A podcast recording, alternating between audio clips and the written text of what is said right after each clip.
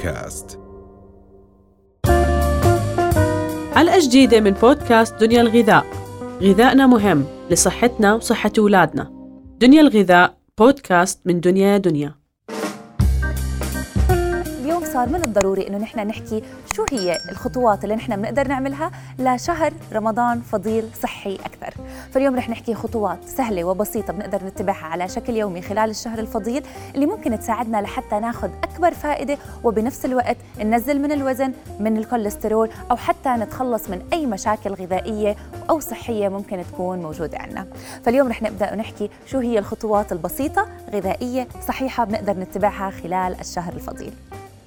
لحتى نبلش ونحكي بأول فكرة. دائما إحنا بنركز على ممارسة الرياضة واليوم صار من الضروري جدا إنه نحن نمارس الرياضة وحتى خلال ساعات الصيام. ولكن الرياضة ممكن تختلف بحسب احتياجات الجسم.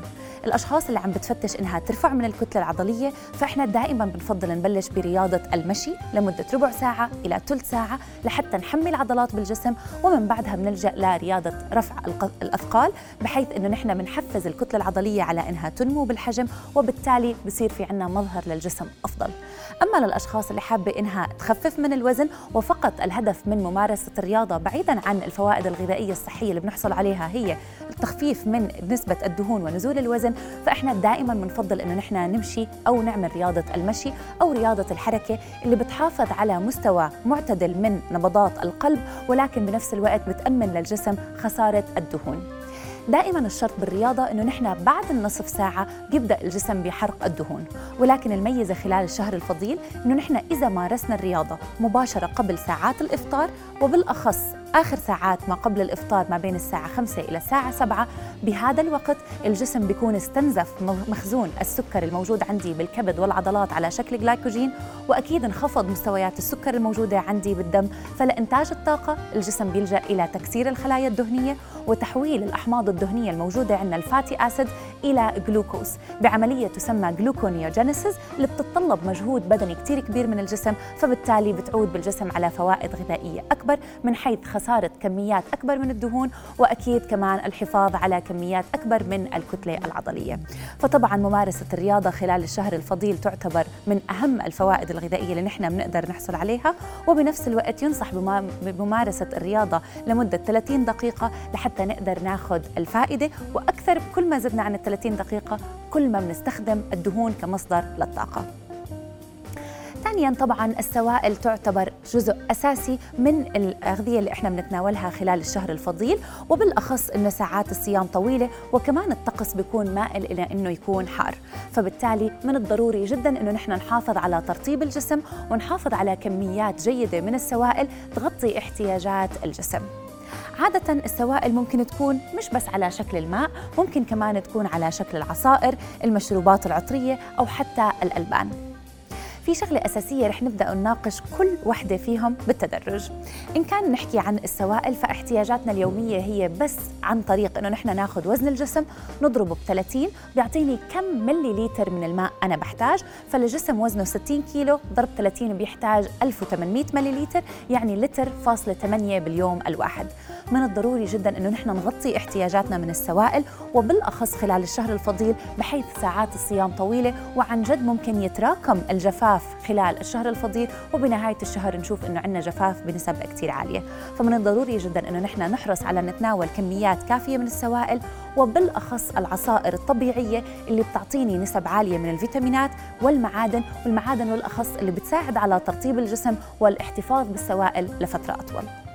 في شغلة أساسية نحن لما بنحكي عن العصائر نحن نركز على عصائر الخضروات كمان مش بس بالضرورة عصائر الفاكهة اللي بتعطيني نسب عالية من السكر ولكن عصائر الخضروات بتعطيني نسب عالية جدا من الفيتامينات المعادن وأكيد بسعرات حرارية أقل وكمان سكريات أقل. لذلك تعتبر مصدر غذائي جيد جدا خلال الشهر الفضيل وبنفس الوقت بتعطيني كميات عالية من الفيتامينات المعادن والمعادن بالأخص لما بنحكي عن البوتاسيوم والصوديوم اللي بيساعدوا الجسم على الاحتفاظ الاحتفاظ بالسوائل وتقليل خطر الإصابة بالجفاف خلال الشهر الفضيل.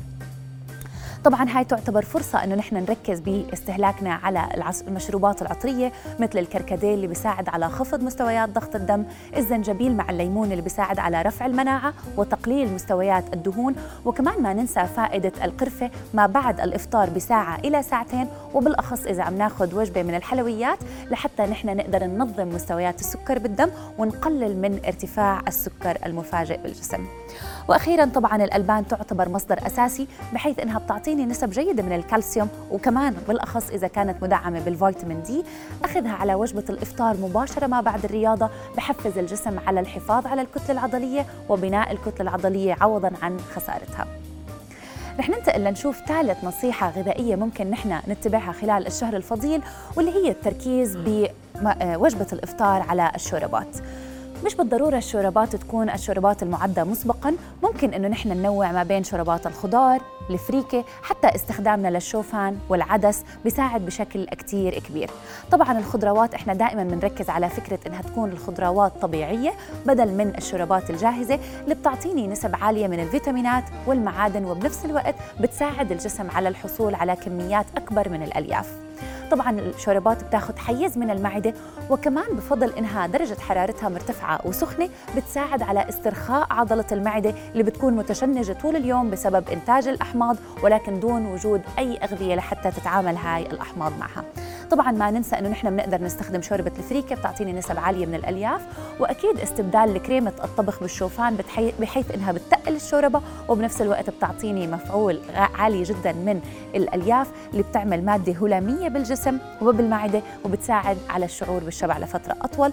كمان ما ننسى شوربة العدس كمان بتعطيني نسب عالية جدا من الفيتامينات المعادن وبالأخص إنها بتحتوي على كميات معتدلة من النشويات وكمان من البروتين.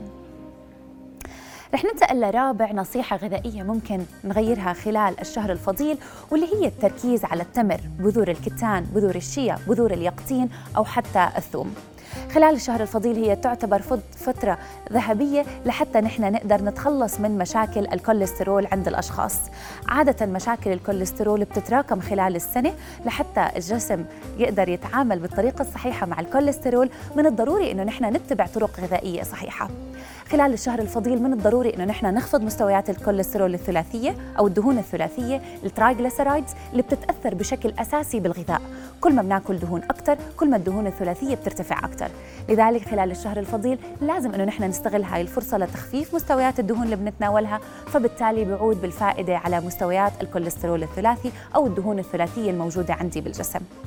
شغلة كمان أساسية إنه نحن بنقدر نستغل هاي الفترة لحتى نرفع من الكوليسترول الجيد عبر استخدام بذور متنوعة. ومن أهمها بذور الشيا اللي بتساعد على إعطاء الجسم مستويات عالية من الاوميجا 3 بذور الكتان اللي بتقلد عمل الأستروجين وبتعود بالفائدة وبالأخص على النساء وكمان بذور اليقطين اللي بتساعد على إعطاء الجسم ألياف عالية ورفع مستويات الاوميجا 3 أما بالنسبة للكوليسترول السيء فنحن من الضروري إنه نحن كمان نخفض مستويات الكوليسترول السيء عبر اتباع حمية غذائية صحيحة الرياضة التقليل من القهوة وبالأخص القهوة التركية المغلية وكمان أنه نحن نركز بأغذيتنا على الثوم اللي بيساعد بشكل كتير كبير على توسعة الأوردة الدموية تقليل مستويات الكوليسترول السيء بفضل احتوائه على المادة الفعالة الأليسن وكمان بيساعد على رفع مستويات الكوليسترول الجيد. كمان من أحد التغييرات الأساسية اللي نحن ممكن نتبعها خلال الشهر الفضيل إنه نحن نركز على التقليل من القهوة، الشاي والمشروبات الغازية، من الضروري جدا إنه نحن نستغل هاي الفترة لحتى نقلل من مستويات الكافيين اللي إحنا بنتناوله اللي عن جد الدماغ بصير يعتمد عليه والانقطاع المفاجئ عنه بيؤدي إلى الصداع. التقليل التدريجي من فترات الصيام. كمان خلال الشهر الفضيل من الضروري إنه نحن نقلل من استهلاكنا من القهوة من الشاي من المشروبات الغازية ونستبدلها بالمشروبات العطرية مثل الزنجبيل الكركم القرفة. وبالإضافة إنه نحن كمان نبتعد عن المشروبات الغازية وممكن نبدلها بالماء الغازي اللي ما بيحتوي على نفس كميات السكر والأحماض اللي ممكن تأثر على صحة العظام وصحة الأسنان. خلينا نستغل هذا الشهر الفضيل لحتى ناخذ أكثر فائدة غذائية ممكن نحصل عليها. وبنفس الوقت نعتبر الغذاء هو الطريق لحتى نعالج أجسامنا بدل ما نحن نلجأ للأدوية.